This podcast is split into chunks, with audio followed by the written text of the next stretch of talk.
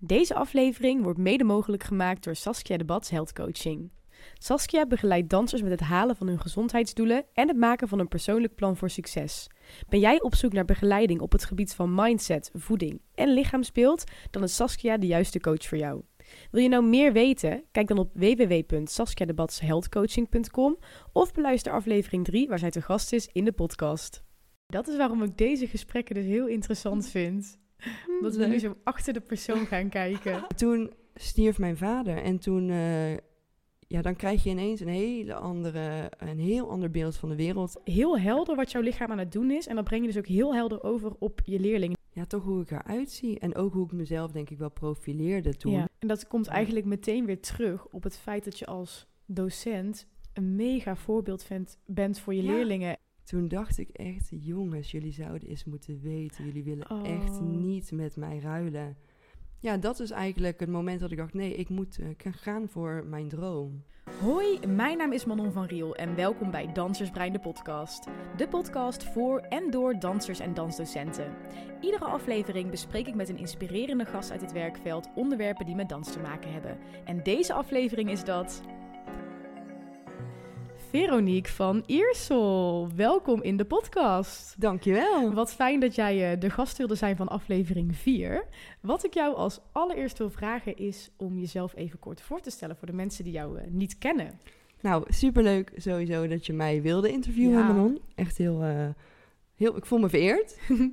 Ehm, ik zal mezelf even voorstellen. Ik ben, eh, nou, Veronique, 35 jaar inmiddels. Ehm, ik ben in 2010 afgestudeerd aan de Fontis, eh, Hogeschool voor de Kunsten.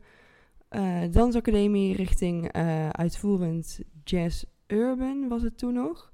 Het is nu al veranderd, denk ik, hè? Ik denk het wel, ja. T- ik weet niet of überhaupt TDU nog bestaat. Ja, jawel. Zo noemen Oh, ze oké. volgens mij nog wel. Ja. Ja. En ehm, daarvoor heb ik nog een jaar in Amsterdam balletacademie gedaan onder leiding van Valerie Valentine. Ehm, en na mijn afstuderen ben ik vooral gaan eh, dansen als uitvoerend danseres. Meteen ook gaan lesgeven op Fontis, eh jazzdocent. Vrijwel ook snel eh, daarna gaan lesgeven op de MAF, de Mhm. Musical Factory in Tilburg, Factorie en Podiumkunsten. Waar wij natuurlijk elkaar ook van ja, kennen. dat is wel leuk om straks ook even te benoemen. Ja. En ehm, eh, ja, ik heb heel veel als uitvoerend vooral gefreelanced. En ehm, ik ben eigenlijk na vier jaar ben ik mijn eigen bedrijf begonnen, Van Productions. Mhm. En daarmee ehm, heb ik eh, vooral heel veel choreografieën gemaakt. En eh, zet ik ook heel veel dansers en artiesten weg voor eh, in, eigenlijk in het commerciële werkveld. ja. Dus voor heel veel festivals, theatershows, concerten, nou, noem maar op. Dus toen ben je eigenlijk ook een opdrachtgever geworden, om het zo te zien. Ja, echt een beetje een boekingskantoor Ja, eigenlijk. Ja. Ehm, dus zowel voor ehm, eh, artiesten, maar ook om eh, concepten te bedenken en eh, meer echt de creatieve kant ook in Ja. te vullen. Dus dat doe ik ook nog steeds. Van Productions bestaat nog steeds. Ik heb vooral nu veel vaste klanten. ja. Ehm, eh, omdat ik nu ook ja, een vaste baan heb.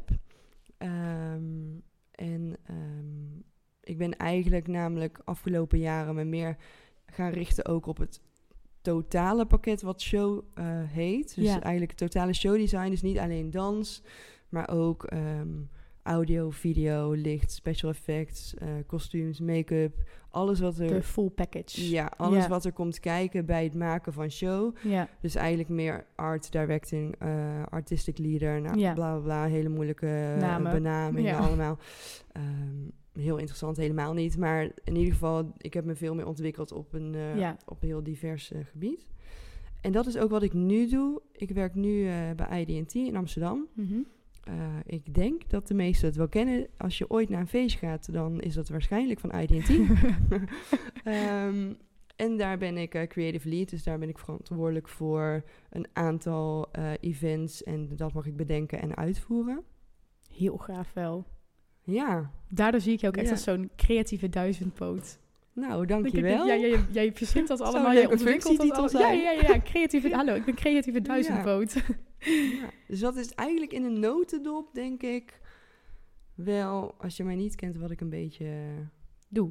doe. Dan weten we waar jij vandaan komt. Ja. Ja, interessant. Ja, en wat, wat inderdaad ook leuk is om te vertellen is hoe wij elkaar kennen. Want ehm, ik heb in de derde, in mijn derde jaar, dus is vorig jaar, voor de mensen die het nu luisteren, heb ik stage bij jou gelopen, bij de Mhm. MAF Jongeren. Jij hebt mij geleerd hoe ik eh, de beste dansdocent kan worden ehm, binnen mijn eigen visie. Eh, maar eh, daarbij ook, ik heb natuurlijk het, het voorstelling maken, heb ik ook met jou meegelopen. Dus eigenlijk wat je net Mhm. vertelde over alles wat erbij komt kijken, heb ik ook al een beetje mee kunnen spieken. Ja, en nu heb ik jouw zwangerschapsverlof vervangen. Ja. Want jij hebt een prachtig babytje. Ja, ik Ja. heb eh, net een dochter van, ze is bijna vier maanden, Doete. En eh, dus ik ben nu eigenlijk weer sinds een paar weken aan het werk. Mhm. Wat ook een mega switch natuurlijk is, überhaupt voor een danser, Ja. om überhaupt al zwanger te worden. En, eh, en echt je lichaam eh, staat echt in dienst even van iets Ja. anders. Ja. Want dat is natuurlijk als danser ben je echt, je lichaam is heilig. Ja, ja, ja, ja, ja. En ehm, dan gaat het ineens veranderen waar je geen controle over hebt. Terwijl je als danser daar natuurlijk super erg mee bezig bent. Ja, ja, En ook tijdens het lesgeven was ik... Je, je, je ziet jezelf gewoon in de spiegel. Iedereen doet dat en Ja. iedereen beoordeelt het. En in één keer zie je gewoon een dikke buik in de spiegel. En je, super mooi. En je, en je, dat Ja. is alleen maar prachtig. Maar het is wel ook confronterend. ja, ja. En... eh, Heb je daar moeite mee gehad? eh? Ehm, nou, niet zozeer met die buik, maar wel dat je je hele lichaam verandert. Je wordt een Ja. beetje wat wolliger, wat, Mhm. wat voller, want je houdt vocht vast. Ja, En dat is meer dat ik denk, oh ja, weet je, je gaat ineens... Die buik is natuurlijk fantastisch, want daar zit gewoon je kind in. ja, Maar de rest eromheen doet ook mee. Ja. En dat is... ehm, ja, en je kan op een gegeven moment je buikspieren gewoon niet meer gebruiken. dat lijkt me zo'n gek Dus gevoel. eh, ja, dat mag dan eigenlijk ook niet meer. nee. Maar het, het verbaasde me wel hoeveel je nog kon. Echt wel. En ehm, het is vooral super mooi. En het is gewoon super vet wat je lichaam kan. Ja, als je dat beseft. Dat je denkt, als danser kan je al heel veel met je lijf. En ben je soms al, vergeten we soms hoeveel ons lijf Ja. eigenlijk kan. Maar als je Mhm. dan een kind maakt, dan denk je echt, wow. Plus nog best wel lang les staat te geven en nog best wel lang staat Ja. te dansen. Ja, ik heb tot 36, 36 weken denk ik nog, toen hadden we nog eindvoorstellings Ja, eh, dat periode. klopt. Stond ik daar met mijn dikke buik nog. Ja. Ja. Maar het is super vet wat wij kunnen als vrouwen. We zijn gewoon cool. We kunnen gewoon een kind maken en baren. Oh, ik wil, ik- dit zei ik al eerder, maar ik ga jou bellen als ik ouder ben. ik heb jouw advies dan nodig. Dat is goed. Je mag me altijd bellen. Wat gaaf, wat Ja. gaaf. Ehm, hey, ik zal even eh, in het kort uitleggen wat we gaan doen. Ook voor de mensen die luisteren eh, en die misschien dit als eerste aflevering horen. Eh, wij gaan vragen behandelen. Die vragen zijn ingestuurd door de luisteraars. Ehm, dat kunnen persoonlijke of algemene vragen zijn. Er zitten heel veel persoonlijke vragen bij. En die gaan we lekker behandelen vanuit jouw visie. Ehm, je mag me ook altijd iets terugvragen als je zou willen, als je het interessant vindt. Ehm, maar daar gaan wij eh, wat dieper op in. Ben je er klaar Leuk, voor? Ik ben heel benieuwd. Oké, dan ehm, eh, ga ik mijn blaadje omslaan. Mhm. Oké. Nou, de eerste vraag eh, die ik voor jou heb is, vind ik een hele interessante. Wanneer ben jij voor het eerst in aanraking gekomen met dans? Ja, dat is wel echt een goede vraag. Maar dat is natuurlijk lastig om te beantwoorden, omdat je... Of in ieder geval, ik heb niet echt een één punt, omdat ik eigenlijk vanaf jongs af aan altijd al aan het dansen was. Eh, ik kom uit een best wel muzikale eh, familie. En mijn zus en ik waren altijd, als wij gingen spelen, gingen wij dansjes maken. Dus eigenlijk vanuit jezelf al. Ja, Ja, en wij, wij, wij keken bijvoorbeeld vroeger heel veel naar The Sound of Music en naar Annie, al dat soort films. ja als inspiratie. Ja, dat vonden wij gewoon heel leuk. Ja. En mijn moeder vond dat volgens mij ook leuk. En dan gingen wij, dan waren er vriendinnetjes en dan gingen wij dansjes maken en optreden. Ja, En ik denk dat dat, dat zat er altijd al wel in. Maar echt de eerste keer dat ik echt met het vak te maken kreeg. Mhm. ik, eh, ik heb auditie gedaan voor Annie, de musical. Toen ik, was ik tien, oh ja, als En, weeskindje. als weeskindje. En toen werd ik aangenomen. En eh, echt gewoon, ik dacht, hoe kan dat? Maar, en toen dus je had nog nooit dansles gehad? Ja, ik had wel eens dansles gehad. eh street dance volgens mij. En Mhm. ik zat bij een koortje en daar kreeg je ook dansjes. ja, ja.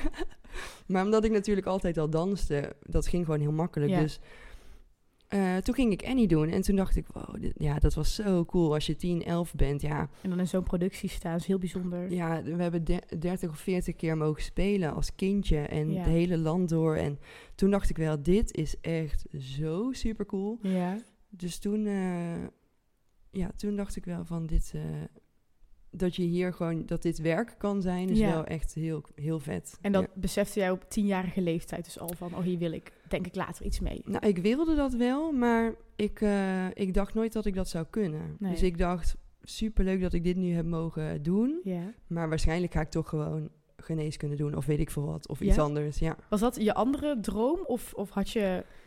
Ehm, ja, ik wilde eerst altijd dierenarts worden. Oh, dat vind ik ook helemaal bij je passen. Ja. Ja, Ja. absoluut.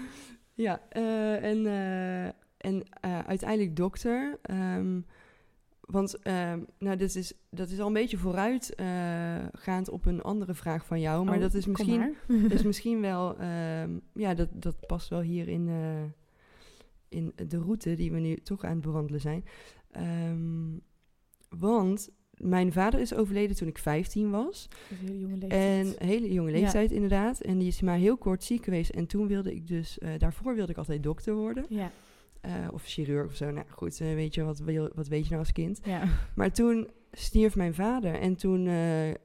ja, dan krijg je ineens een hele andere... Een heel ander beeld van de wereld. En ja. toen besefte ik me eigenlijk veel te vroeg natuurlijk... Op 15-jarige leeftijd van... Je moet alles uit het leven halen. En als jij Ja. iets wil... Dan moet je daar gewoon voor gaan. Want je hebt maar één leven. En misschien red je de morgen niet eens meer. ja. En toen dacht ik, ja, maar eigenlijk wat ik wil, als ik echt luister naar wat ik wil en niet luister naar wat ik kan, Mhm. dan, eh, of, of ik het wel kan, dan is dat dansen. Of musical, of Ja. iets op het, in ieder geval op het toneel staan. Ja. En toen ben ik dus ehm, er keihard voor gegaan. En eh, elke dag danslessen nemen, elke dag stretchen, echt elke dag. En, Dus eh, iedereen die luistert, alle leerlingen. Ja, serieus, want Ja. ik begon natuurlijk met dansen en Ja. zeiden, ja, je hebt wel talent, maar je bent heel stijf, want ik hockeyde. Oh ja, Nou ja, dat is natuurlijk echt super slecht voor je hamstrings. ja, een hele eh, andere spiergroepen. Dus toen ik begon met stretchen, kon ik serieus, als je dan afrolt met mijn handen tot mijn knieën. Ja, ja, ja, ja. En eh, dat voorbeeld geef ik nu ook altijd aan mijn leerlingen. Want ze zeggen, ja, maar jij bent, zo, jij bent zeker eh, hypermobiel of zo. Ik zeg, nee, Gewoon heel hard voor gewerkt. ik heb gewoon elke dag, Ja, s s'avonds eh een half uur tot een uur gestretched. wow. En, ehm, en daarna was ik, na een paar jaar, was ik echt super lenig. Want je bent als kind natuurlijk hartstikke vloeibaar nog om daarin Ja. te ontwikkelen. Ja, ja, ja, ja. Dus eh, ja, dat is eigenlijk het moment dat ik dacht, nee, ik moet eh, gaan voor mijn droom. Wel, wel een hele nare gebeurtenis, maar wel mooi dat dit eruit is gekomen. Ja, en weet je, vaak van de meest eh, nare gebeurtenissen, daar leer je het meeste Ja, van. Hè? ja, gewoon grote impact. Dus dat is wel, eh, ja, dat is denk ik wel het kantelpunt geweest dat ik dacht, dit, dit ga ik doen. En Ja. eh, no matter what, het maakt me niet uit wie me vertelt of ik het kan, ik ga er gewoon voor. Ja. ja, Keihard werken, ja. Heel vet. En heb je toen, ehm, eh, wat heb je toen na Annie dan gedaan? Ging je naar een vooropleiding of... eh, Nee, ik heb gewoon, eh, want ik zat op het Willem II eh, college Oh ja. en daar had je wel een vooropleiding, maar daar waren die meisjes allemaal al vanaf acht, negen jaar aan het balletten. oh ja, mhm. Ja, ik natuurlijk niet. Dus ik ben gewoon ehm, alleen maar lessen gaan volgen. Ja. Elke dag had ik één of twee lessen. ja. En toen heb ik de MAF gedaan. Oh ja, Dus ja, toen ben ik, ik heb ja. met 17 heb ik geauditeerd voor de MAF. En toen heb ik een jaar de MAF gedaan. Super leuk. Ah, ja. en toen ben je daarna meteen doorgerold in de in Toen, nee, toen heb ik eerst een jaar eh, in Amsterdam eh, gestudeerd. Toen Oh ja, tuurlijk, ja. Valerie Valentine is een eh, solist van Nationaal Ballet. Die is echt 20 jaar solist geweest, volgens mij. Die heeft haar eigen opleiding eh, opgestart, maar particulier. Oh ja. En eh, dus ik zat met vijf mensen in de klas. Oh, Dus je kreeg bijna privéles. dan groei je snel. En ik heb daar een jaar gezeten en daar heb ik echt... Ja, als ik dat niet had gedaan, dan was ik nooit waar ik nu was. Want ik ben van leuk amateur balletdansertje... ben Ja. ik gewoon gedrild tot ballerina. Ja, En eh wij mochten stage lopen bij het Nationaal Ballet, bij het Zwanemeer. bizar. Dat je denkt, hoe kan dit? Maar het kon echt, want ik, ja, wat ik voor groei in dat jaar heb meegemaakt, dat is bizar. En toen was je 18 ongeveer Ja, dan? was ik het goed- 18. Oh. Maar toen kwam ik erachter van, ja, superleuk, eh klassieke wereld, maar dat is niet mijn wereld. Nee? Nee, ik ben veel te outgoing. Ik was altijd aan het eh, zingen en eh, gewoon ja, veel te commercieel eigenlijk. Ja, ja. En ehm, Voor die balletwereld. ja. En toen dacht ik, ik ga toch nu met deze basis, ga ik eh, bij AHK auditeren en bij Fontis. En toen is het Fontis geworden en daar ben ik super blij om. En ik had toen zo'n voor, voorsprong met ballet, Ah, dat ik mij ja. heel goed ook kon focussen op de rest. Ja, Want ik had, die basis had ik al. ja, ja. Ja. Oh, interessant. Wat mooi. Hm. hey, zullen we naar de volgende gaan? Ja. Ja? Ehm, mijn volgende vraag is, waar sta jij onbekend? En dat is natuurlijk best wel een brede vraag. Ehm, maar dan eh, kan je denken aan misschien jou als persoon, maar ook als jezelf als eh, danser, docent en eh, choreograaf. Ja, dat is wel grappig dat jij dat vraagt. Want ik dacht van, ja, maar jij weet waarschijnlijk waar ik onbekend sta. Want ik weet dat natuurlijk helemaal niet. Ja, nou, dat, ja, nou dat klopt, dat klopt. Zal ik beschrijven waar ik vind dat jij onbekend Ja, staat? ik ben ook heel... Want Ja. ik heb er natuurlijk ook over nagedacht. Mhm. Maar ik dacht, ja, dat, dat is natuurlijk een, een soort oordeel. Of niet een oordeel, maar een Ja, gedachte van anderen. ja. Nou, wat, en dan baseer ik dit natuurlijk puur op wat ik van jou gezien heb. Dus dat het denk, Mhm. dan het afgelopen jaar heb ik het dan over. Ja. Ehm, en dan heb ik het over de lessen die jij hebt gegeven natuurlijk, want die heb ik veel gezien en, en meegedaan. Ehm, maar ik vind dat jij heel erg bekend staat om, ehm, je bent heel duidelijk in wat je wil. Jouw eh, lijnen of waar je beweging wil hebben zijn altijd heel erg clean. Ik ben nu voor de luisteraars, ik ben nu bewegingen aan het uitbeelden. Dus waar jij heen gaat, je hebt altijd duidelijke lijnen. En dat breng je dus ook heel erg goed over op je leerling. Want als er iets is wat ik van jou heb geleerd, dat ik super duidelijk moet zijn in wat ik wil. Eh, omdat ik toen de eerste les, ik weet niet of je dat nog weet, vragen terugkreeg over, oh, maar waar is die hand dan? En dan dacht ik, oh, daar heb ik helemaal niet over nagedacht. Eh, maar jij hebt dat dus heel erg, je weet precies waar je bent. En eh, ik denk dat jouw kracht sowieso ligt in het gebruik van het hele lichaam, de langere lijnen dus, waar ik het eigenlijk net al over had. Ehm, en wat jij net zei, het stukje commercieel eraan verbonden, dat je dat een beetje samen laat komen. Maar eigenlijk vind ik vooral de, jouw duidelijkheid. Oh, wat Ja, leuk, gewoon wat heel- interessant. Heel, heel helder wat jouw lichaam aan het doen is. En dat breng je dus ook heel helder over op je leerlingen. Niet alleen omdat je een heel helder dansvoorbeeld bent, maar ook omdat je heel erg goed kan uitleggen. Maar het zit dus daar en het komt vanuit die beweging. Oh, ja. En wat ik dus eigenlijk altijd terug zie komen in jouw choreo's, in jouw lesmateriaal, zijn dus verlengingen, lange lijnen, ehm, alles verbinden met elkaar. Ik denk dat dat de grootste kern is die ik daarin heb Ah, ja. teruggezien. Leuk, want ik denk juist heel vaak bij mezelf... Oh, dit was zo onduidelijk. Echt? Ja, en dan... Oh, Maar ja, dan, maar dan ben je gewoon in jouw eigen hoofd een warm Ja. hoofd. Of dan zie je de leerlingen echt zo van, oké, praat ze Chinees, weet je wel. En- maar dat vind ik dus wel oh leuk. nee, nee. oh, Ik zat dan te kijken en dan deed jij bijvoorbeeld de opwarming. En dan dacht ik, oh ja, super duidelijk wat ze moeten doen. Oh. Ze kunnen jou heel helder volgen. En dan ging ik lesgeven en dacht ik ook, moet, dat moet ik ook doen. Oh, wat Goed over nadenken. Nou, dat vind ik wel fijn om te horen, want ik denk heel vaak van, oh, eh, kan het even over? Of eh, dan zeg ik ook, eh, sorry jongens, eh moet even nadenken of filmpje kijken. Of, nou, ja, ja. Oh, leuk. Leuk om te horen, ja. Ehm, ja. Ja, grappig, want ik denk wel, die duidelijkheid, die had ik zelf ook wel bedacht, maar meer in mijn, ehm, ook wel in mijn persoon. Ik denk dat ik best wel, ik ben, kan best direct zijn. Ja, Ik lul er niet omheen, zou ik maar Ja. zeggen. Dus zeker, ik denk dat sommigen schrikt dat best wel soms een beetje af. Die Mm, moeten mhm. mij echt leren kennen. Ja. denk ik echt wel, oeh, die is best eh, pittig. ja. Ehm, maar ik denk, eh, als je me eenmaal een beetje leert kennen, dat je er ook vooral heel hard om moet lachen. Soms. Zeker dat wat eh Het is heel de ongenuanceerd. eh, Ja, Ja. soms een beetje sarcastisch ook wel. En eh, dan kunnen, denk ik, de meesten het ook wel met een korrel zout nemen. mhm. Ehm, want ja, je moet ook gewoon een beetje humor natuurlijk Ja. maken in de les. Maar ik weet nog op Fontis, maar dat was wel ook nog redelijk in het begin. Op Fontis zeiden ze altijd, als ze mij kregen, we krijgen marteling. En dan dacht ik altijd, hoezo? Echt? Maar dat is, ja, maar dat is omdat, en daar sta ik dus wel onbekend. Ik ehm, doe altijd in mijn opwarming, bij de MAF dus niet, omdat we maar zo'n korte tijd hebben. Maar Ja. op Fontis en bij professionele lessen doe ik altijd, bouw ik altijd op naar een mega planking Oh, opwarming. ja. Dus op een gegeven moment, Cardio en kracht. eh, ja, bij mij moesten ze op een gegeven moment, eh, nou weet ik veel, eh 7, 8 minuten planking volhouden met Ja. allerlei oefeningen. En als ze dan als eentje van de klas het dan niet volhield, dan Moest- moest het iedereen opnieuw. oh. Maar daardoor had je dus een super goede motivatie. Ja. En ik deed altijd mee, hè. Dus ik deed het drie keer op een dag, want ik had drie lessen. Ja. Dus dan zei ik ook altijd van, ja jongens, als ik het drie keer kan op een dag... Dan en ik ben tien jaar ouder dan keer, jullie... eh, Dus, en maar ja, dat is dus wel eens misgegaan. En dan moest dus de hele klas opnieuw. Ja, dan, dan was het best wel... eh, dat was wel pittig. Oh. Dus daarom denk ik dat het marteling was. maar ik heb dat weer. Op Fontis hadden wij op een gegeven moment gewerkt met iemand van Australian Dance Theater. En die deed dat ook altijd. En daardoor hadden wij zo'n goede core en zo'n goede, Ja. goed uithoudingsvermogen. En Ja. ik dacht, ja, maar dit is top. Oh. Nou, dus dat, dat, dat is denk ik qua docent.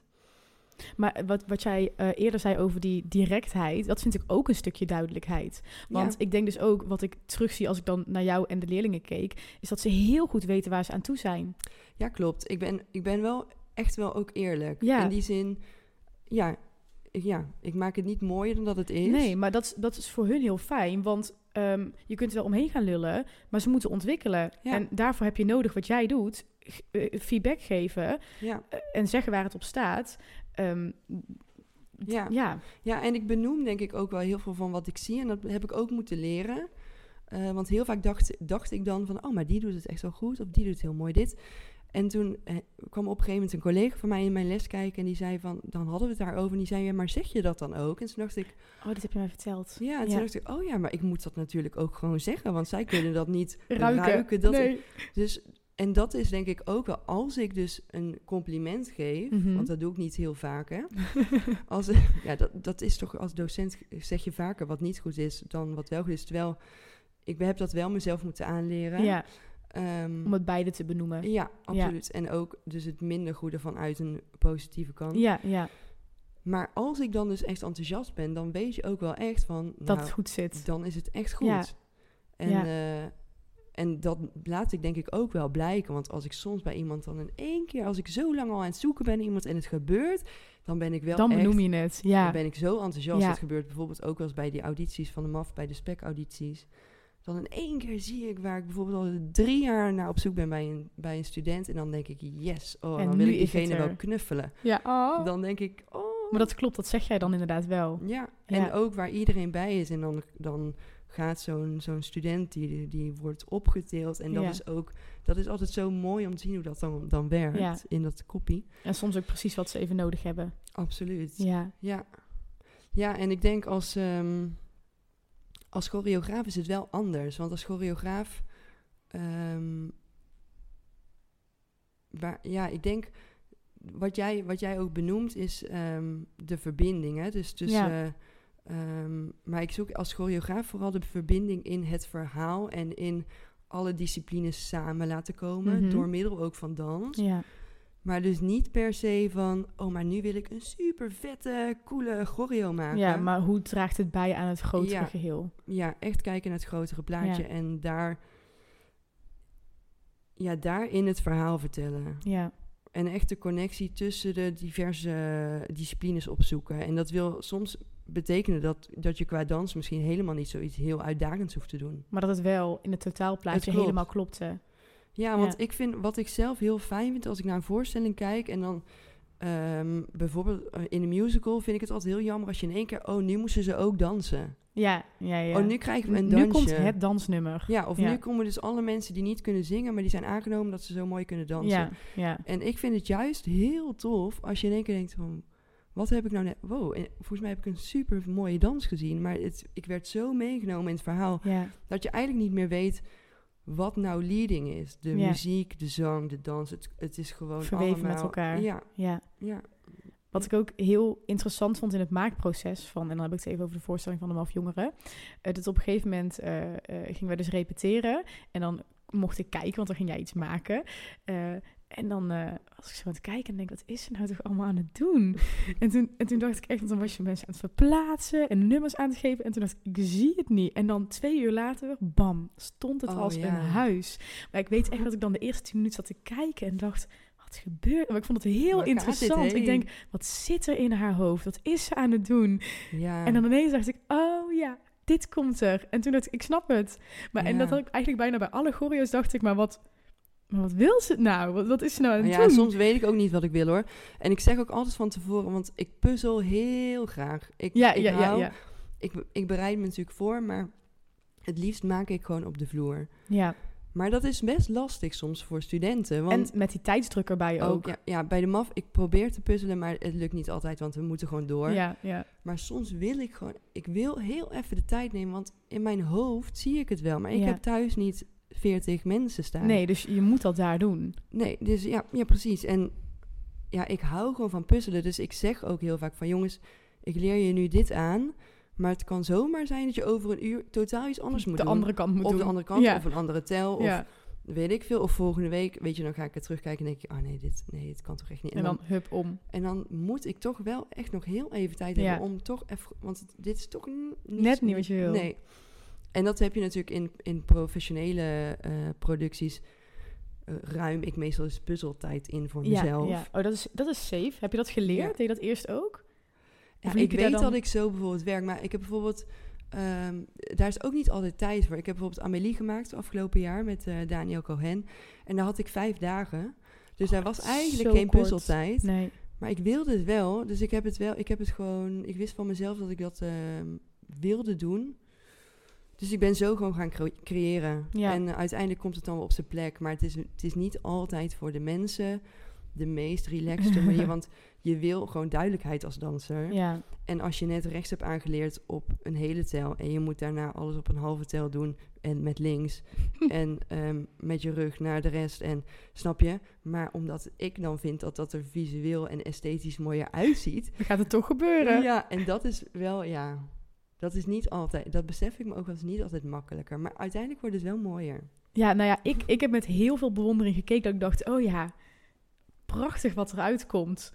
En nu zelf als ik dingen aan het maken ben, denk ik, nee Manon, denk aan hoe Vero het deed. Het hoeft niet in één keer duidelijk. Als jij in je hoofd hebt en je gaat inderdaad passen en weten, het komt goed. Ja, en het ontwikkelt ook, hè? Ja, Dus vaak, en daar is niet altijd tijd voor, maar ehm, weet je, je kan iets maken, maar je moet er altijd even een paar nachtjes over slapen, dan nog een Ja. keer doen. En filmpje terugkijken. ja, en in, ja, een filmpje terugkijken. Ja. Of in één keer doet iemand iets uit een improvisatie en denk je, oh, maar dat is ook cool. Wat jij nu Oh, doet, laten we dat doen. Ja, En ehm, zo, zo werk ik ook heel dus ook vaak. uit je dansers halen. Ja, ja, ja. Ja. En zeker, weet je wie dat dus heel goed doen? Niet per se, ja, dansers ook, maar zangers en acteurs. Ja? Want die ehm, stappen erin vanuit een andere beleving. Oh. Dus als ik iets aanleer in een bepaalde, eh, aan een, in een bepaalde genre of muziekgenre, dan ehm, komt er bij hun vaak iets anders op dan bij mij. Maar dat is bij Oh. hun dan heel natuurlijk. En dan Ja. zie ik dat denk ik, oh ja, maar dat is leuk, laten we dat doen. Ja, in plaats van het te opleggen. Ja, en dan is het Oh, dus ja. heel natuurlijk en dan voelt het voor hun heel fijn. Ja. Dus het is ook, dat heb ik ook moeten leren. Het is ook goed om van je eigen dingen af te stappen en gewoon even te kijken en anderen te laten komen en dat dan naar jouw hand weer zetten. Ja, en ja. Dan, dan komt het echt samen. Oh, dat is heel interessant. Ja, Tof. soms moet je het even laten. Ja. Gewoon eventjes, eh, laat jullie maar komen. Ja, Ja. dat is een hele goeie. ja. Hmm, Door naar de volgende. Ja. De volgende is... ehm, wat vind jij het belangrijkste, het allerbelangrijkste als je les geeft? Ehm, goeie vraag. ik vind het zoveel belangrijk, maar ik denk het allerbelangrijkste is denk ik wel ehm, plezier. Het Ja. klinkt super afgezaagd, maar dat- Dansplezier. ja, Ja. want tuurlijk vind ik hard werken en dat het klopt en dat het technisch klopt, vind ik ook belangrijk. Maar ik denk dat als je geen plezier hebt, dat je daar staat en dat je dus iets moet Ja. doen, dan komt het er ook niet uit. En dan, dan zie je ook niet de, het gevoel wat je wil. En ehm, wat ik vooral ook heel erg probeer in mijn lessen is, want ik geef natuurlijk ook les aan misschien niet de meest, eh, de beste dansers Mhm. of mensen die een echt een uitvoerend danser worden. Maar dat vind ik juist zo leuk, omdat ik bij, bij die mensen juist probeer van, ehm, om hun te laten voelen en geloven dat zij het wel heel goed kunnen. Ja. Want ik heb best wel wat studenten ook in mijn les staan die, die dan denken, ja, maar ik ben hier omdat ik heel mooi kan zingen. Of ja, Ja. maar ik kan niet spelen en ja. ik moet wel mijn dansles volgen, maar ja, ik kan, ik zal nooit een danser worden. Ja. Nou ja, als je zo al begint, dan begin je natuurlijk al met twee punten achterstand. Ja. Ja. En dat vind ik zo jammer, want je bent hier, je bent super jong. Natuurlijk, je kan waarschijnlijk fantastisch zingen, maar dat wil toch niet automatisch zeggen dat jij niet, Niet ook kan dansen, dansen, of ja. kan leren Ja. dansen. En dat vind ik wel altijd heel erg leuk om toch te proberen om dus die omschakeling bij, bij die studenten te krijgen, dat ze uiteindelijk zeggen, oh maar ik geniet zo van de danslessen en Oh, wat fijn. Ik- ja. ik heb echt het vertrouwen in dat ik het kan. En als ik dadelijk een auditie sta te doen, dan denk ik echt dat ik het kan. En dan zie je ook je moet, je moet ook kijken van, ja, maar jij komt van deze, eh, ehm, jij komt van dit niveau af en kijk naar waar jij als, als individu bent gegroeid. Ja, En kijk dus niet naar een ander die een instapniveau heeft, een ander instapniveau, maar puur Ja. kijk even waar jij vandaan komt en wat jij nu al brengt. ja. En ook bijzonder als je dat op die leeftijd kan bijbrengen. Als we het dan hebben over een jonge leeftijd. Dat ze zich focussen op hun eigen proces. Ja, ja dat, is, dat is natuurlijk super moeilijk. Ja, Dat is, überhaupt, Ja, dat is natuurlijk een struggle. Niet eens als je jong bent, maar ook als je ouder bent. Ja, Ja, En, en voor zangers helemaal, want als je als zang je eerste taal is, je stem is natuurlijk zo eigen, dus die Ja. is al niet hetzelfde als een ander. Mhm. En juist in dans probeer ik dan toch heel erg te kijken van, naar het individu en dus niet de verwachting te hebben dat iedereen dezelfde, hetzelfde eindresultaat heeft, want dat hoeft helemaal niet. ja, Maar dat is wel vaak natuurlijk hoe er naar gekeken wordt. ja, Terwijl jouw acht is een hele andere acht dan mijn acht. ja, ja, Want ik kom misschien vanuit, vanaf een drie en jij komt vanaf een vijf. ja. Het is Dus een heel jij- ander proces. Ja, Ja. Ja. Oh, mooi ook. Hele goeie. Ehm, dan gaan we door. En dit vind ik persoonlijk ook een hele interessante. Hoe blijf jij vernieuwend in je ideeën? En dit kan echt ontzettend breed zijn. Dus die vraag mag je eigenlijk... Want je doet een hele hoop, dus die ideeën komen waarschijnlijk ook vanaf heel veel plekken. Eh, ik ben hier heel nieuwsgierig naar. ja, daar heb ik ook over nagedacht. En dan denk ik, ja, eh, soms sta ik in de douche en dan denk ik ineens, dan zie ik... Ja, ik ben vooral gewoon... Sorry, ik ben soms een beetje warrig, maar niet uit. ik ben gewoon heel visueel ingesteld. Ja, Dus als ik een, eh, als ik een nummer hoor of ik hoor, ja, ik hoor iets, of, dan, dan zie ik meteen iets in mijn hoofd. oh ja. En dat is natuurlijk best, dat- zo- zo werkt het natuurlijk bij heel veel mensen, maar dan is het best lastig soms om dat wat in mijn hoofd zit, om ook concreet op papier te krijgen. Oh ja, of uit te leggen dan of zo. Want mijn rood is een andere rood dan jouw rood. Ja, En je hebt een, iedereen heeft een ander referentiekader. ja, Ehm, maar ja, ik, en ik heb ook heel vaak, eh, dus, dus of in de douche of s'nachts, of ik in één keer wakker en dan, dat zijn van die vage momenten dat je dus in één keer dingen bedenkt. ideeën krijgt. En eh, ja, ik denk door mu- muziek is wel echt, echt een, de number one eh, inspiratiebron. Want muziek is gewoon emotie en muziek, Ja, ja, dan komt er vanzelf iets met muziek. Maar ik kijk ook wel veel. Ik, ik, ik veel ehm, video's, veel voorstellingen.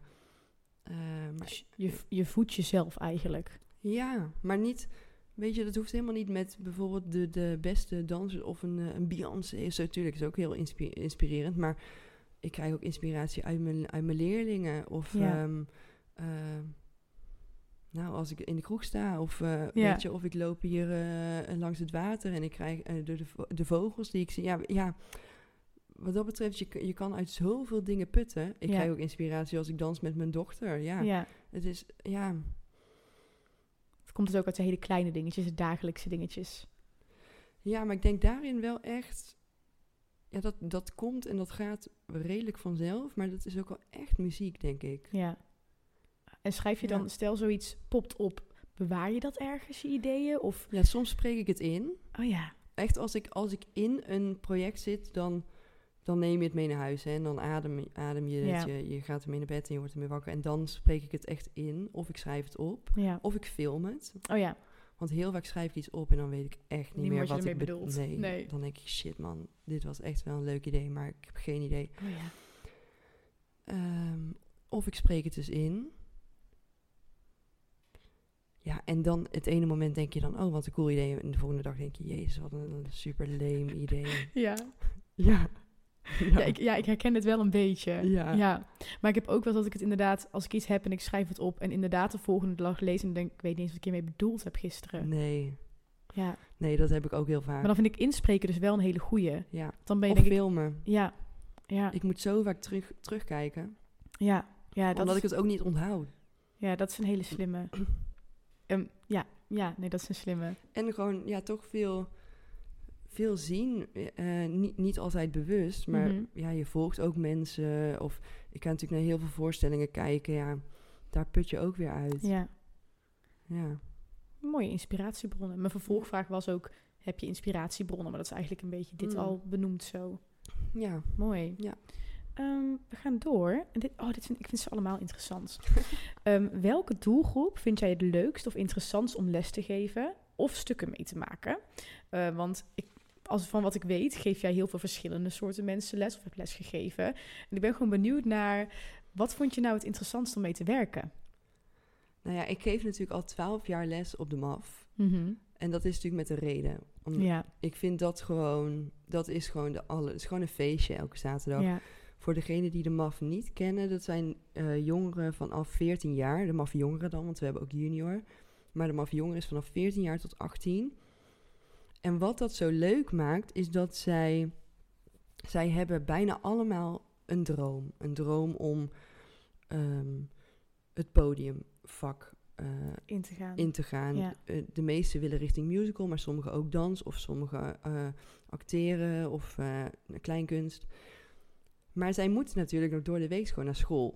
Ja, Wat moet, wat ze niet per se superleuk vinden. Sommigen misschien wel, maar de meeste niet.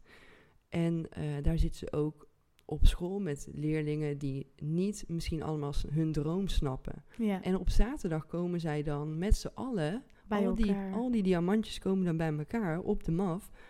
En dat voedt elkaar. En dan mogen ze eindelijk doen wat ze het allerleukste vinden. En Ja. wat misschien ooit hun toekomst gaat zijn. Ja, En daar mag ik onderdeel van zijn. En die eagerness die zij hebben. En ook nog die naïviteit van... Het is allemaal fantastisch en het is het beste... Want het is ook het beste, het, het fantastische vak Ja. natuurlijk. Maar er zitten ook heel veel kanttekeningen aan. En het is ook zwaar en het is ook hard werken en het is ook emotioneel. Maar zij hebben dat nog allemaal niet meegemaakt. Dus voor hun is het nog helemaal hysterisch fantastisch. En, ehm, ja, en je kan ze alles geven. Ze vreten alles op. En, en eh, het is gewoon zo leuk om met hun te werken. En nu nog steeds bijvoorbeeld met best wel wat leerlingen van toen. Die heb ik dan ook weer op de vakopleiding weer gehad. ja, Maar die, die spelen nu allemaal in shows. En die komen nog steeds soms. We krijgen ineens een belletje. hey, kunnen we even kletsen? ja. Om gewoon even, dan willen ze even inchecken of willen ze advies. Of gewoon als ik kom kijken, dan zijn ze zo blij. Want de MAF is een soort van warm bad. En dan voelen ze dat weer. Ja, van ja, dan voel, ja, En zo voelt dat voor mij ook. Weet je, als ik dan. eh, je bent zo trots. Dat je denkt, oh, dat was een maffertje. En die staat Ja. nu gewoon de sterren van de hemel te spelen. Ehm, dus die doelgroep is wel echt. ja, bijzonder. Ja, dat is super. Het is gewoon een, je kan dat bijna nooit uitleggen aan mensen. Denken, oh, geef je dansles op zaterdag? Eh, ja, leuk hoor. Maar het is echt, ja, het is, de MAF is wel echt een bijzondere plek. Ja, Ehm, dat voelen we ook allemaal. Onze, ik heb hele, ik heb fantastische collega's. We zijn een klein team, maar zo voelen we het ook allemaal. Daarom doen we het ook nog allemaal. mhm. Ehm, dus dat vind ik wel echt de tofste plek om les te geven. Vakopleiding natuurlijk ook.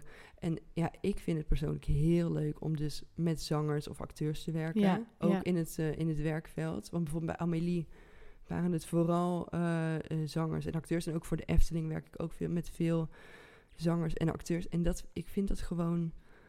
ehm, om bewegend theater te maken, dat vind Ja. ik gewoon heel leuk. Ik hoef niet per se de meest vette, moeilijke, in- ingewikkelde choreo te maken. Dat kan ik ook helemaal. Daar zijn andere mensen veel beter in. Mhm. Maar eh, bewegend theater, dat vind ik wel, eh, ja. Ik vond het ook heel interessant om bij de eindvoorstelling van de MAF te zien hoe jij die groep van 40 leerlingen hebt neergezet op zo'n manier. Hmm. Dat nou, wat je eigenlijk vertelde, om dat hele beeld bij elkaar te laten komen. Dat het heel erg ondersteunend was aan elkaar. Toen dacht ik, ah ja. Ja, Dat waren die momentjes dat ik dacht, wat ben je aan het doen? En toen twee uur later, bam, daar stond het. Ja, Ah, ja, leuk. dat, ja dit werkt. Ah, leuk Ja. dat jij dat zo hebt ervaren. Ja, maar ik heb natuurlijk ook van de zijlijn ehm, veel ook kunnen zien. Ja. En dat was voor mij heel interessant. ja. Ja, het was echt heel leuk. Ik denk dat ik ook wel eens heb gedacht van, nou Manon die zal wel denken, wat is ze aan het doen? Nou ja, ja, op sommige momenten dus wel. Maar als het dan bij elkaar kwam, dan dacht ik, oh ja, dit klopt gewoon helemaal. Ja. Ja, Ja, grappig. dus Ja, heel- want ja. soms kijken leerlingen mij ook aan hoor. En, denk, en dan zie ik dat ook en dan denk ik ook, ja, ik snap ook dat jullie het niet snappen. Maar dat, dat is dan je puzzeltijd. Ja. Ja. Ja. hey, we gaan, eh, we gaan door naar de Ja. volgende. Ehm, Dus even kijken. Ja, de- deze vraag heb je eigenlijk al een beetje beantwoord, denk ik. Maar misschien wil je er nog iets aan toevoegen.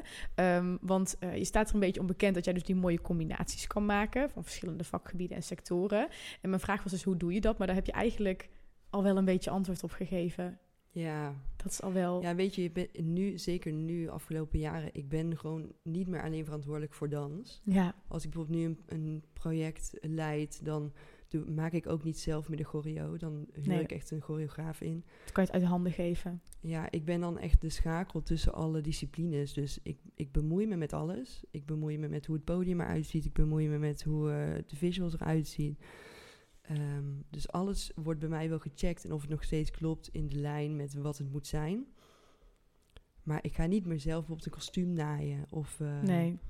Eh, ik, zit, ik zit bijvoorbeeld naast iedereen. Ik zit naast de audioman. Ik zit naast de lichtman. Ik zit naast degene die het vuurwerken programmeert Ja, om alles te bepalen, maar ik doe het dus niet meer zelf. ja, Maar daardoor heb je dus wel van elke discipline heb je een soort van input en weet je ook wat het dus kan toevoegen aan weer die andere discipline. Want ik Ja. weet wat er met licht daar gaat gebeuren en dat is voor audio natuurlijk weer super interessant, maar die weten dat van elkaar misschien niet. nee. En daarmee ja, ben je dus heel breed, ben je met alle facetten ben je bezig, zodat je echt een immersive experience eigenlijk kan eh, creëren. Ja, oh, het lijkt me wel een hele verantwoordelijkheid die op je schouders ligt. Ja, dat is het ook, maar ook omdat, kijk, ik ben niet de specialist. Nee, Dus ik kan wel vertellen bijvoorbeeld aan ehm, een audiodesigner van wat ik, wat voor sfeer ik wil en wat er Ja. verder gebeurt en wat ik verwacht. Maar hij moet het uiteindelijk gaan maken. ja, want mijn vervolgvraag was eigenlijk: is alles wat jij bedenkt dan mogelijk? Of moet jij je ook wel eens aanpassen aan. Als je geld hebt, is alles mogelijk. maar er is vaak niet. Een, ja, er is, soms is er heel veel budget, maar soms ook niet. Maar het hangt echt van budget af en van. eh, nee, er is superveel mogelijk. Ja. hè. Er is, weet je, de- als je de, de juiste mensen hebt, is er heel veel mogelijk. Ehm, dus het, het, en het, ja, het hangt gewoon echt ook van budget af. Dat verschilt natuurlijk echt per event. Ja, En ehm, ja, daar, daarmee valt of staat heel veel, staan heel veel dingen. Want Ja. heel vaak moeten we dingen schrappen, want ja, het is te duur. ja, ah ja. En dan bedenken we wel weer een goedkope oplossing, wat net zo, waarschijnlijk net zo vet ja, is. Ja, Want dat is ook creativiteit, weet je, dat je toch moet hoe je kijken. daar dan mee omgaat. En dat lukt niet altijd hoor, want soms heb je gewoon iets in je hoofd en dan ben je gewoon star. En dan denk je, ja, maar ik had dit in mijn hoofd en ik wil. Maar dan moet je kill your darlings. Ja, dan, Gaat het dat doet toch een beetje pijn. Oh, Maar ehm, hoort erbij. ja, en het is gewoon soms best wel moeilijk, wat ik al zei, om wat er in jouw hoofd zit, om dat eh, iemand anders duidelijk te maken. En dan, dan hangt het wel heel erg af van hoe goed die persoon is. Oh ja. Ik heb een keer een audiobriefing, was voor een nummer van vijf minuten. Ik denk van 30 pagina's gemaakt. Per 10 seconden had ik een moodboard en, en eh, met uitleg wat ik wilde en wat er met de dans gebeurde, wat er met licht gebeurde. Maar die eerste edit, dat was, was, was wel een van de vetste momenten trouwens, want dat was voor eh, 100 jaar bestaan van KLM. Mhm. En Armin zou eh, eindshow eh, doen en ik mocht daar met hem een, een, eh, een, een intro maken. Ja. Nou, fantastisch natuurlijk, dat je denkt, holy shit, ik mag eh, eh, met Armin iets gaan maken. Maar toen kreeg ik natuurlijk wel stressvlekken, want ik moest hem een audiobriefing sturen. Nou ja, dus toen eh, heb ik die, die 30 pagina's bedacht. Maar ja, toen hoorde ik dus de eerste edit. En ik ging in mijn kamer in het donker met mijn koptelefoon opzitten.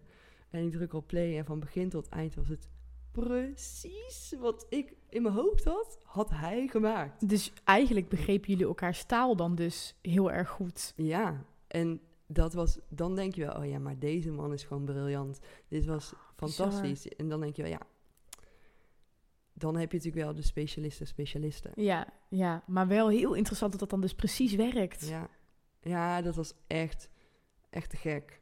Oh, dat is echt heel kreeg ik gaaf. gewoon kippenvel in mijn eentje op de bank. En terecht. Ja. Heel vet, Ja. heel vet. Ja.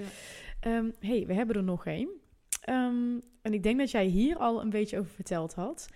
Van welke ervaring in het leven heb je het meest geleerd en hoe heeft het jou gevormd tot wie je nu bent?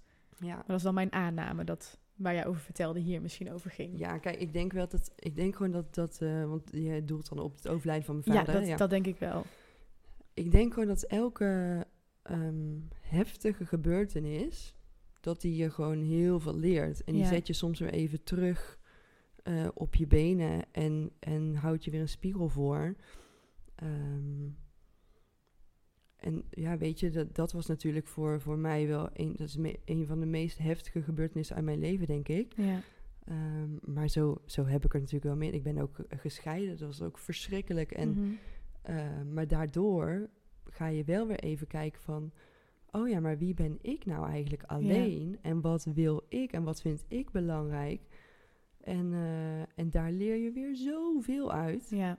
Want dan kom je weer heel dicht bij je gevoel. En dat heeft me ook weer enorm veranderd. Ook in, in hoe ik lesgeef, hoe ik ben. Eerst was ik veel meer van de buitenkant. En het moet er vooral mooi uitzien en hard werken. En wie het Ja. hoogste been heeft, is het beste. En nu is het vooral van, nee, ja, als het gevoel maar klopt en het Ja. plezier er is. En als je bij jezelf blijft, wie ben jij nou? Ja. Het maakt niet uit dat je, of jij een hoog been hebt of niet. Als jij bij jezelf, als jij zelf iets kon brengen Ja. van jou. Je eigenheid. Ja. Ja. En zo denk ik dat elke nare ervaring, daar kan je weer iets heel moois uitputten. Ja. Maar dat duurt natuurlijk even hè, voordat je dat kan zien. Want in het begin is het gewoon allemaal verdrietig en bleh. Maar uiteindelijk kan je natuurlijk wel, als dat een beetje is gezakt, kan je Mhm. terugkijken ehm, van, oh ja, maar dit heb ik daarvan geleerd. Een Ja. Super interessant. Ja, Ja, mooi. Ja. En dus dat jouw jouw danscarrière eigenlijk daaraan te danken is. ja, ja. Ja. Oké, oké. Even kijken wat de volgende is. Ehm, ja, wat is volgens jou de grootste kracht van dans?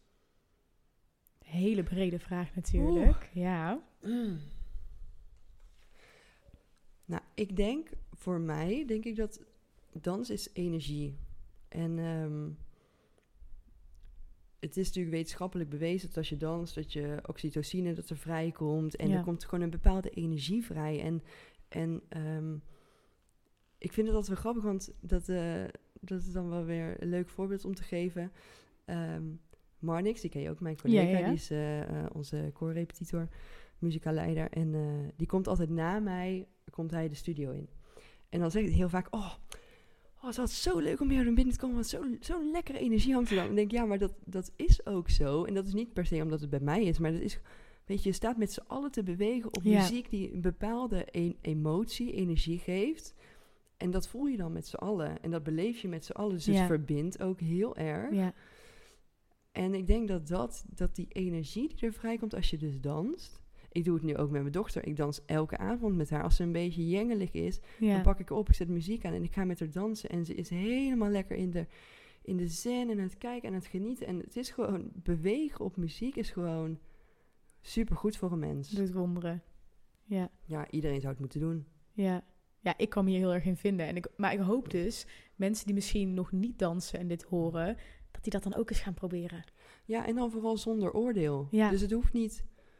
Tuurlijk, kijk, als je naar een academie wil, wel. Maar gewoon dansen... ehm, er zijn niet voor niks feestjes, hè? Me- Ja. Waar mensen... Je gaat niet voor niks op stap. Ja. Je, je wil gewoon... En gezelligheid ook, maar... Dansen is gewoon verbinding. Ja. Heel mooi. dit, dit wordt de quote voor aan het begin van de video Oh waarschijnlijk. Of eh, aan het begin van de audio. Ehm, als je terugkijkt op jouw tijd op de dansacademie, is er dan iets wat je zelf zou veranderen of wat je anders zou willen zien? Je hebt natuurlijk eigenlijk Oeh. twee academies gedaan dan. Dus Ja, eh, maar daarin ik- mag ik- jij zelf... Ja, eh, ik kijk even terug op eh Fontis Ja. natuurlijk. Nou, laat ik vooropstellen dat ik echt een super leuke tijd op Fontis heb gehad. Ja, dat was echt gewoon genieten. ja, En ehm, dat is zo grappig, omdat je dan op, als je op school zit, dan vind je het ook wel soms heel zwaar en moeilijk. En terwijl als je dan eenmaal gaat werken, dan denk je echt, oh, maar op school was het zo chill. Want je wist gewoon elke dag, weet je waar je aan toe bent. En je mag lekker dansen Ja. met leuke mensen en Ja. leuke, gewoon leuke lessen. En, maar dat besef je dus niet als je op school zit, want dan denk je allemaal, oh, moeilijk, moeilijk, moeilijk. En je bent nog op zoek naar jezelf. Nou goed. ja, je moet het allemaal maar halen. Ja, daar was ik nooit zo mee bezig eigenlijk. Met, Nee? Nee. Nee, meer over... Ja, gewoon struggles of zo. Zwaar en ja... En ook gewoon een beetje, gewoon soms een beetje tegen draads of zo. Of Mhm. een beetje... beetje arrogant ook, denk ik. Ik denk dat dat ook... Dat hoort er ook een beetje bij in die Ja. fase. Maar ook, Slaat nergens op, maar toch. Maar ik... Ja... Nee, ik heb een super... Ik had ook een hele fijne klas. Wij waren super gemotiveerd en hardwerkend. Maar wel op een positieve manier. Mhm. Ehm, dus ik heb daar heel veel geluk mee gehad. Dat ik echt in een. Vanaf het tweede jaar. En dat zijn nog steeds drie of vier hele goede vriendinnen van mij. Mhm. Wij waren gewoon met, met dit groepje. Wij werkten keihard, maar we hadden ook zoveel plezier. En we, we deden naast al die lessen deden we ook nog heel veel projecten samen. ja. Samen met muziektheater, met musicaltheater gingen we dan... werkten wij mee aan eindexamens. En ja, we hadden de grootste lol in het weekend nog optredens. Je denkt echt, hoezo? Waar, hield je, waar, waar hou je je, je, je kracht, haal je je kracht vandaan? Ehm, ja, maar dan, dan wil je alles doen en al die kansen pakken en alles aangrijpen. ja, wij vonden het gewoon alleen maar leuk. Ik Ja. zat van acht uur s ochtends tot tien uur, tien uur s avonds op school. En eh, Dat ja, was je wereld. dat was je wereld. Ja. En, en dat waren mijn beste vriendinnen. En eh, ja, ja, dat was gewoon echt, echt te gek. En als ik iets zou moeten veranderen, of niet veranderen, maar wat ik jammer vind aan, aan toen, hè, ik weet niet hoe het nu is, maar er werd toen best wel een beetje neergekeken op het commerciële werkveld. Mhm. dit, dit heb ik eerder gehoord. Oh ja? Ja, Jodie zei dit ook. Oh, oh, grappig. Ja. Kijk, het is natuurlijk een kunstopleiding. En, en ergens begrijp ik wel dat ze, dat ze bang zijn voor het commerciële werkveld. Maar als je kijkt naar. Ja, weet je, ik ben gewoon een commercieel type. En ik hou ook echt van, van ballet en modern. Maar ik wist, Ja. ik ga als hoe ik eruit zie. En dat, dat is gewoon super oppervlakkig, maar zo werkt de wereld wel. Ik ga niet in een moderne company eh, dansen. Want zo, zo, zo'n typecasting, zo'n type ben ik gewoon niet. En waar baseerde je dat dan op?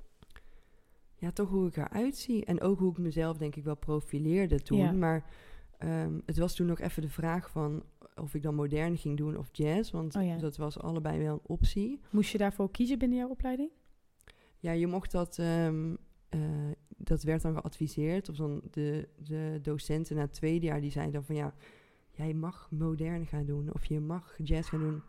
Of, ehm, of je moet dan docent of je moet... Nee, volgens mij niet docent. Nou, je, je mocht het niet vanuit jezelf in ieder geval kiezen. Oh, maar je moest dus wel een keuze maken. Ja, ja. Ja, we hadden volgens mij vier richtingen. Maar bij mij was het dan nog een beetje de vraag van wat ik ging doen. Want ik mocht dan en modern en jazz. En dat we hadden we meerdere uit mijn klas. Eigenlijk weer dat groepje, want wij Ja. volgden ook alle lessen. Want Ja. op een gegeven moment gingen we, gingen we dan richting jazz. Maar wij volgden ook gewoon de moderne lessen. Ja. Want dat is alleen maar super interessant. Ehm, maar wat ik dan jammer vind, is dat ze dan eh, in dat commerciële werkveld, dat ze, dat ze dat dan niet echt stimuleerden. Terwijl daar is super veel werk in. ja. En eh, bijvoorbeeld, ik heb tien jaar lang voor Nike gedanst.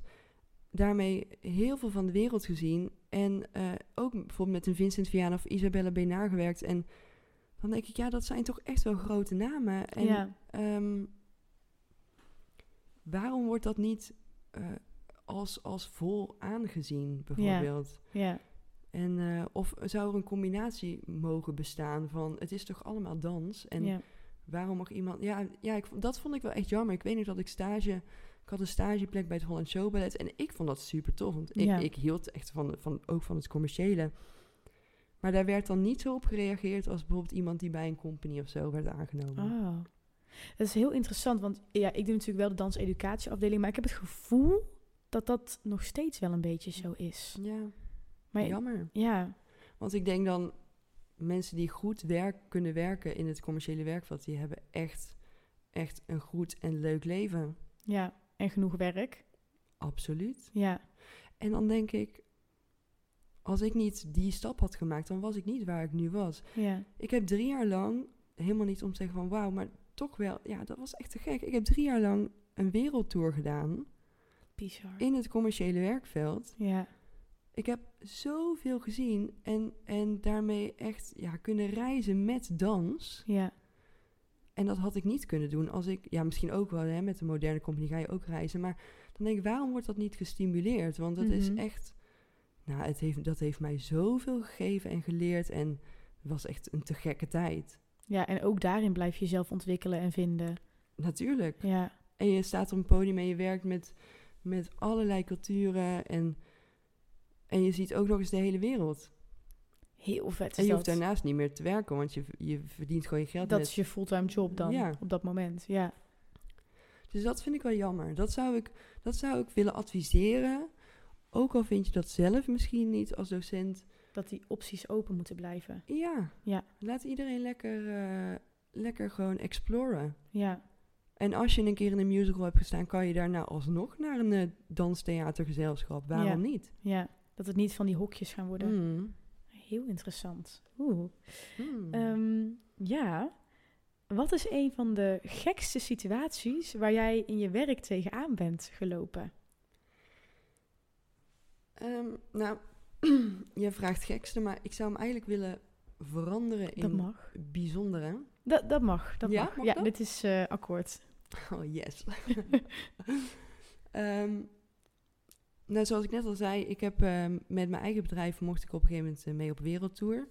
Ehm, om een festival, dus eh, een eendagsfestival op te zetten. Waar ik dan de choreografie voor deed en de dansers ook casten. Wat echt te gek was. Maar daarmee heb ik wel, denk ik, hele bijzondere ervaringen opgedaan. Omdat je dan met verschillende culturen werkt. Ja.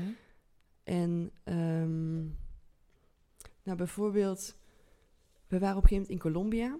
En ehm, ik, ik kaste dan meiden van daar, dus dansers van daar. Oh, dat is wel interessant en, ook. eh, ja, dat, deed, dat heb ik dus drie jaar gedaan. Dan ging ik eerst online, kwam ik in contact met, eh, of met dansscholen of met companies. En Ja, dan, Met wat in dat gebied aanwezig ja, was. want ik, ik- ja, je, je bent daar nog nooit geweest, dus Ja, je hebt dus- geen idee. Ja.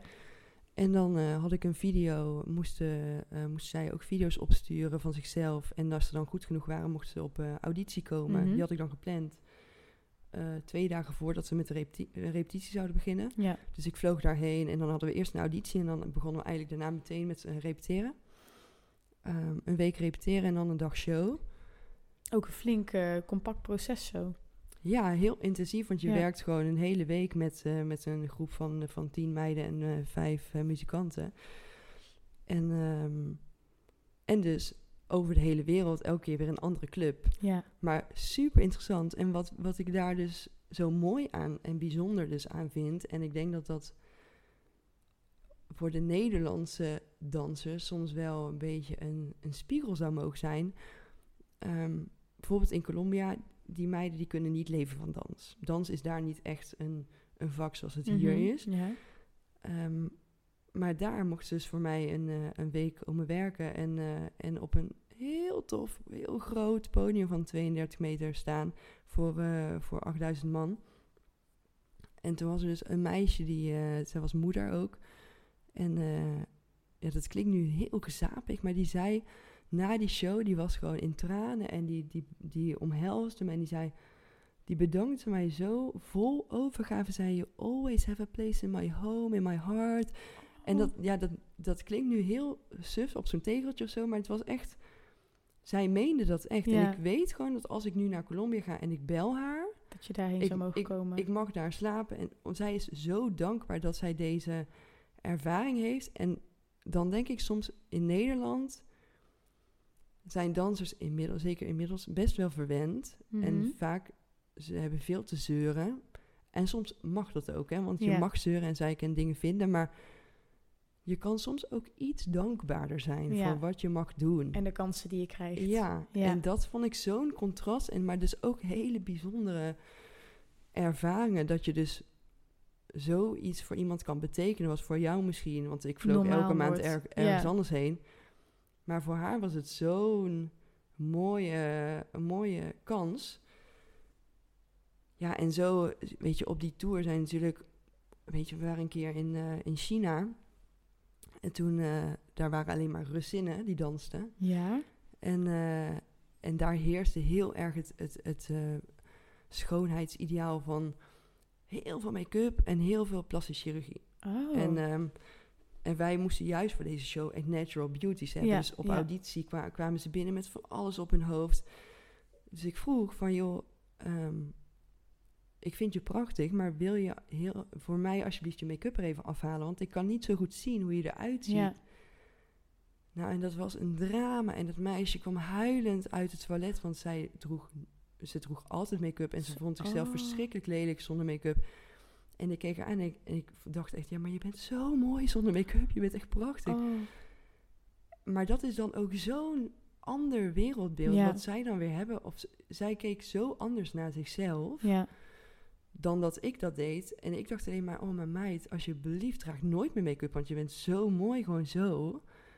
Maar dat, je kijkt natuurlijk heel, Ja. heel anders naar jezelf. En ehm, ja, dat is gewoon heel interessant om dat soort dingen mee te maken. ehm, hoe het dus werkt in een ander land.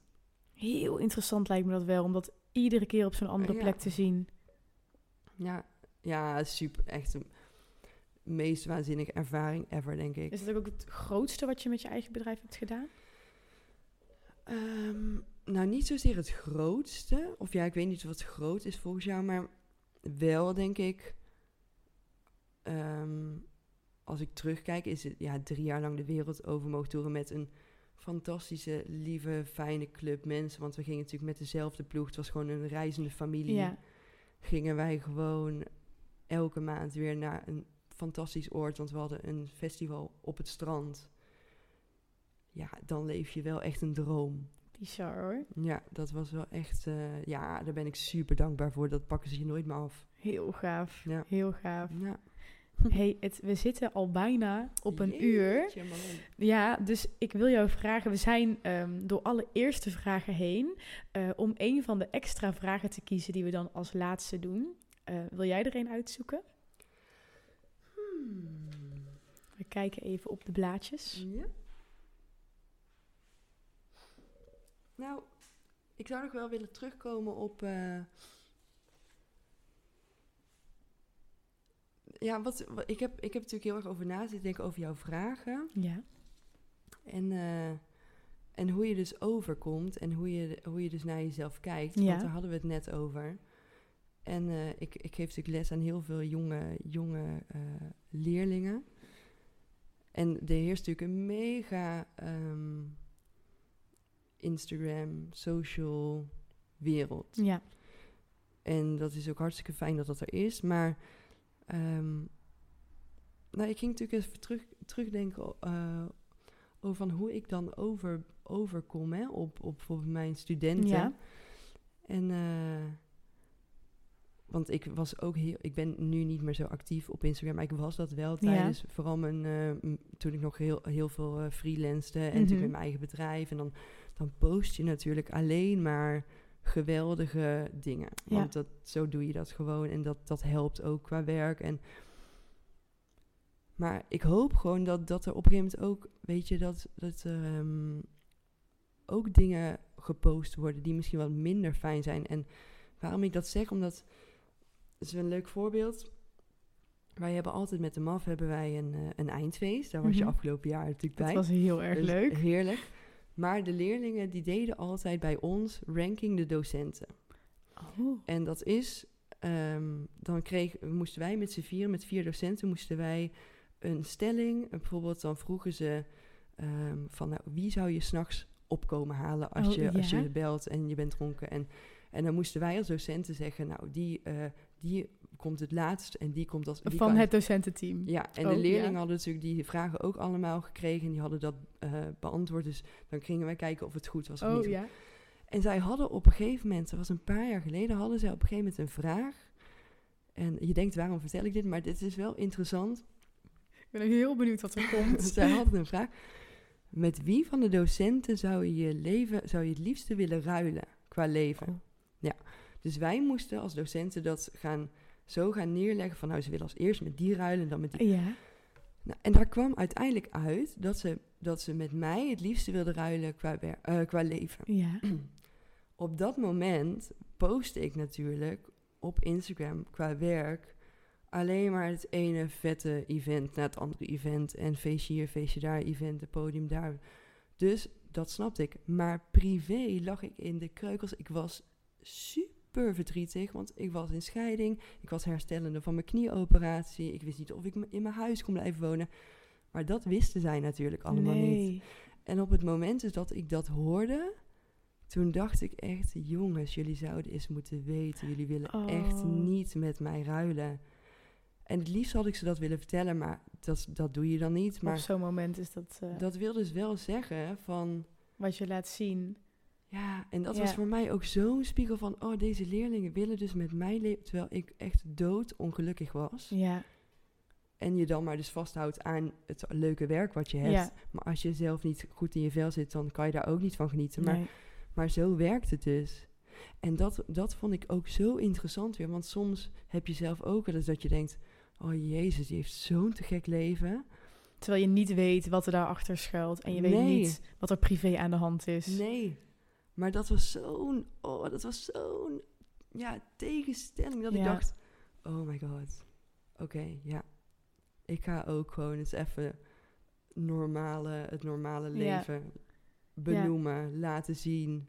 En dat komt eigenlijk meteen weer terug op het feit dat je als docent een mega voorbeeld vindt, bent voor je leerlingen. En, en ze daar misschien naar opkijken, of in ieder geval ehm, ehm, heel erg naar jou kijken als wauw en dat. En ja. dan snap ik inderdaad heel goed wat jij zegt. ja, en dat besef je dan dus extra. Ja, En dan denk je eens, oké, ja. Dan ga je echt nadenken bij jezelf Ja. van, wow, als ik dit, dit beeld meegeef, terwijl het eigenlijk nu zo, zo tegenovergestelde is. is heel lastig, lijkt me. Ja, en dan, dan moet je daar ook wel iets mee, denk ja, ik. Maar ja. ook als je dus naar anderen kijkt, je denkt, oh ja, maar misschien hmm, valt dat het in- eigenlijk wel mee, hè? Ja, ja. Ja. Ik denk dat het wel een hele mooie laatste boodschap is. Ja, ik wil het wel meegeven, Ja. want je moet niet hele altijd bijzondere alles invullen aan alleen maar iets wat je ziet. aan de buitenkant. Ja, Ja. ja. Oh, dat is waarom ik deze gesprekken dus heel interessant vind. Dat we nu zo achter de persoon gaan kijken. ja. hey, ehm, wij zitten al op een uur en vijf minuten. ja. Ehm, dus ik denk dat wij gaan afronden. Eh, ik wil jou heel erg bedanken dat jij eh, de gast wilde zijn in aflevering 4. Ehm Heel graag dankjewel. gedaan. Ja, ik vond En het bedankt. echt heel mooi en, eh, en, en heel inspirerend. Le- ik vond het heel leuk. Leuk dat je mij Ja. wilde, wilde Ja, interviewen. jij stond zeker op mijn lijstje. Yes. Nice. Hey, super bedankt. Graag gedaan. We zijn alweer aan het einde gekomen van deze aflevering. Heel erg bedankt voor het luisteren. Vond je de aflevering nou leuk? Vergeet dan niet om je te abonneren op Spotify, Apple Podcasts en op YouTube. Heb jij nou ook een vraag of onderwerp waar je meer over wil weten? Stuur deze dan in via onze Facebook of Instagram, Dansersbrein podcast. En ga ons ook zeker even volgen als je op de hoogte wil blijven van alle nieuwtjes. Volgende aflevering zijn we terug met een nieuwe inspirerende gast. Tot dan! Deze aflevering werd mede mogelijk gemaakt door Saskia de Bats Health Coaching. Saskia begeleidt dansers met het halen van hun gezondheidsdoelen en het maken van een persoonlijk plan voor succes. Ben jij op zoek naar begeleiding op het gebied van mindset, voeding en lichaamsbeeld? Dan is Saskia de juiste coach voor jou.